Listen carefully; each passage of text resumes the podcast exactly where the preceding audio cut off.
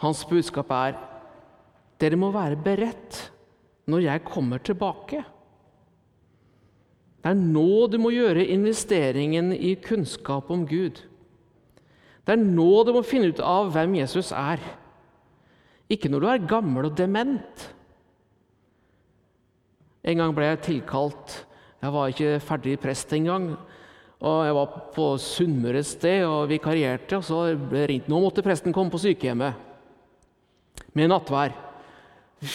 Ja, ja, ok, dette hadde jeg aldri gjort før. Åssen skulle jeg gjøre det her, da? Men det kunne jeg bare slappe helt av med, for når jeg hadde kommet opp dit etter et kvarters tid, ja, så hadde personen allerede glemt hva jeg skulle, så det ble, det ble ikke noen nattværfeiring den gangen. Det var litt i seineste laget. Du må bruke tida mens du har den, til å få barn, til å gjøre det som er viktig til å søke Gud. Du må ha tak i du må ha tak i oljen, det som skal lyse og skinne på mørke dager. Det er nå du må finne frem til troa, et håp om et liv og evighet og Guds kjærlighet. Og det er provoserende nok ditt ansvar som menneske å hamstre Guds gave, som man gjerne vil gi bort. Du må hamstre det i ditt hjerte, så du har nødvendig beredskap, så det kan berge deg i en krise. Nå kan vi dele tvil og tro med hverandre, og vi kan søke kunnskap hos hverandre og i Skriften det er vanskeligere når krisa er der. Eller når Gud lar teppet falle og sier at det var siste forestilling. Det var siste episode i siste sesong. Det kommer ikke flere sesonger, men det kommer en ny serie kalt Paradis slik Gud ville alt skulle være. Er vi forberedt på at Gud gjør dette? Det er lett å si, det er lett å preke det, Eh, overraskende lett å preke det, men er det lett å leve det? Er vi forberedt på at Jesus kommer tilbake?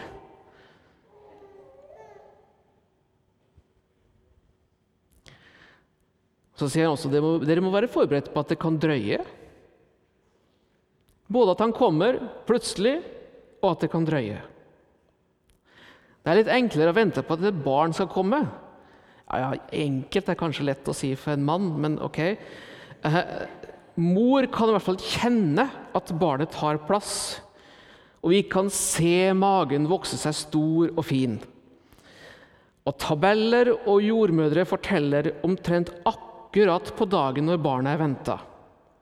Og vi kan planlegge og vi kan shoppe klær og seng og barnevogn.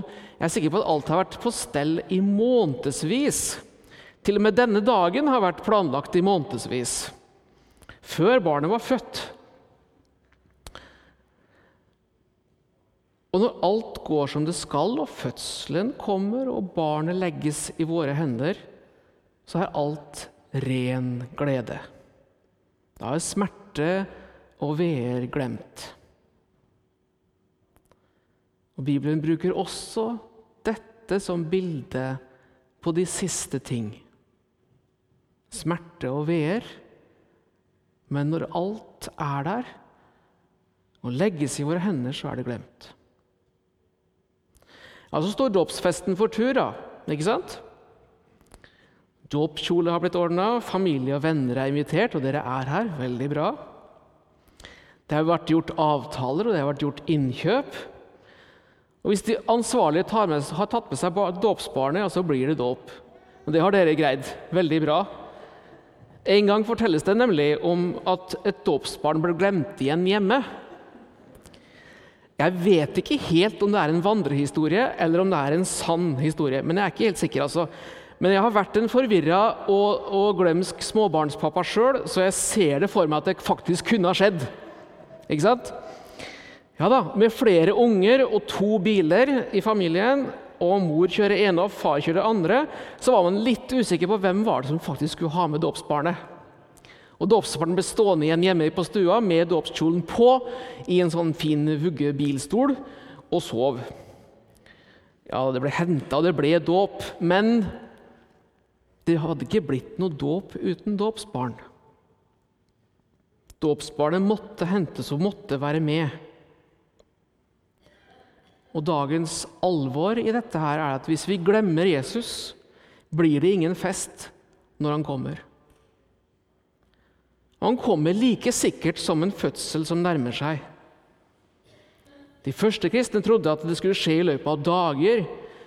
Ja, og Så måtte de utvide perspektivet, og så ok, kanskje år. Og så skjønte de ja, dette kunne ta tiår. Og Når Johannes, den siste gjenlevende apostel, skriver glødende om de siste ting og de siste tider før Jesus kommer tilbake, så skriver han glødende fortsatt. Men han har et langt perspektiv. Og han sier, 'Løft blikket. Hold ut. Vent. Vent på Han når dere har det vanskelig.' Og De første kristne hadde det skikkelig vanskelig. De hadde det omtrent like vanskelig som noen kristne i dag har det. Og Opp gjennom historien så har forventninga av Jesu innkomst svinga frem og tilbake. I noen sammenhenger så har man fastsatt dag og tid. Og så har det jo vist seg at Jesus hadde rett når han sa dere kjenner ikke timen.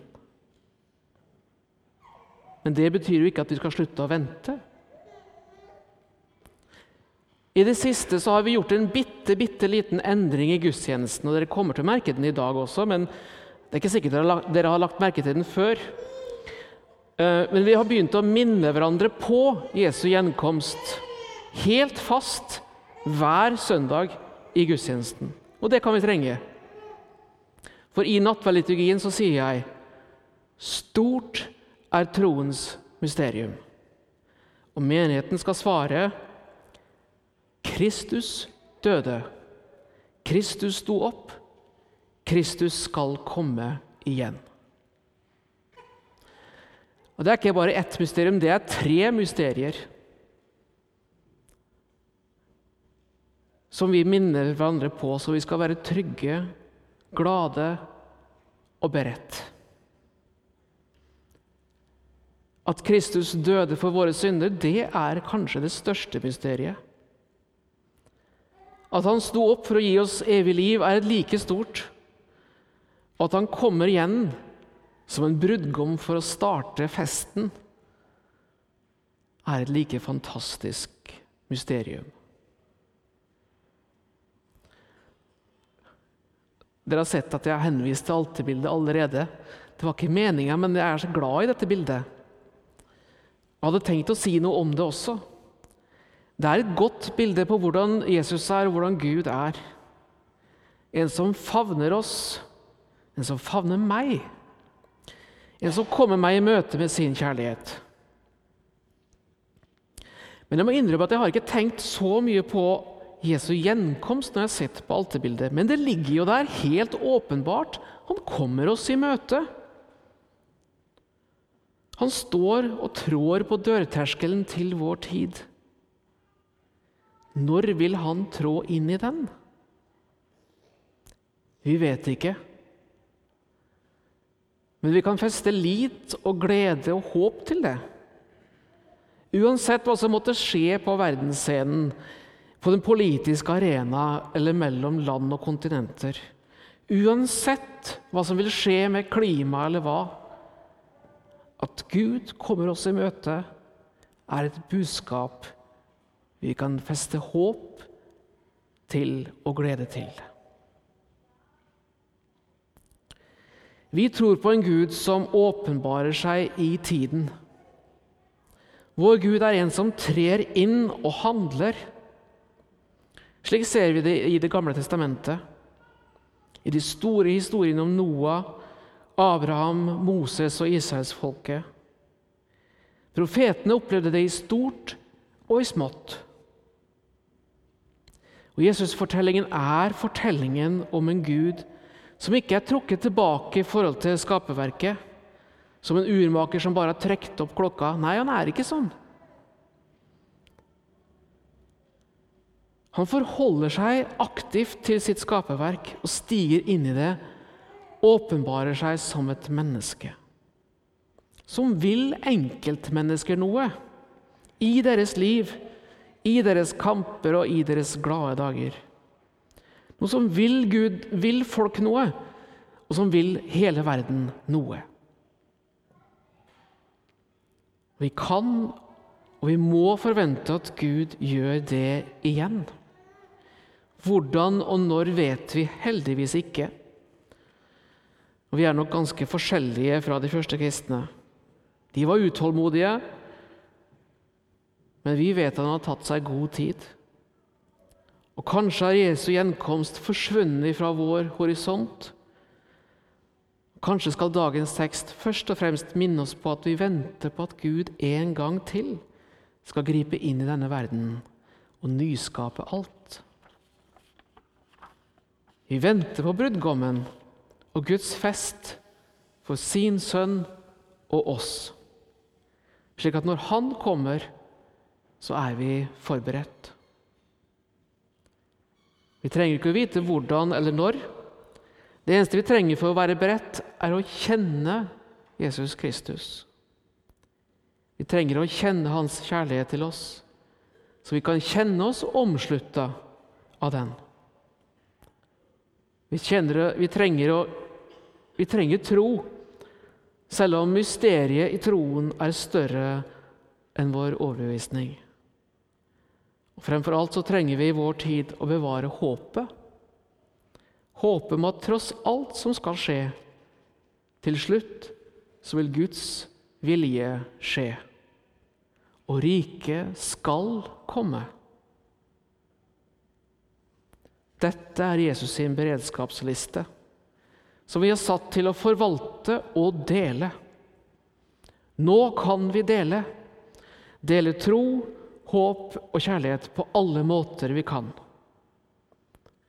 Så vi og vår neste lærer Jesus å kjenne og kan gjenkjenne Han når Han kommer, og bli gjenkjent.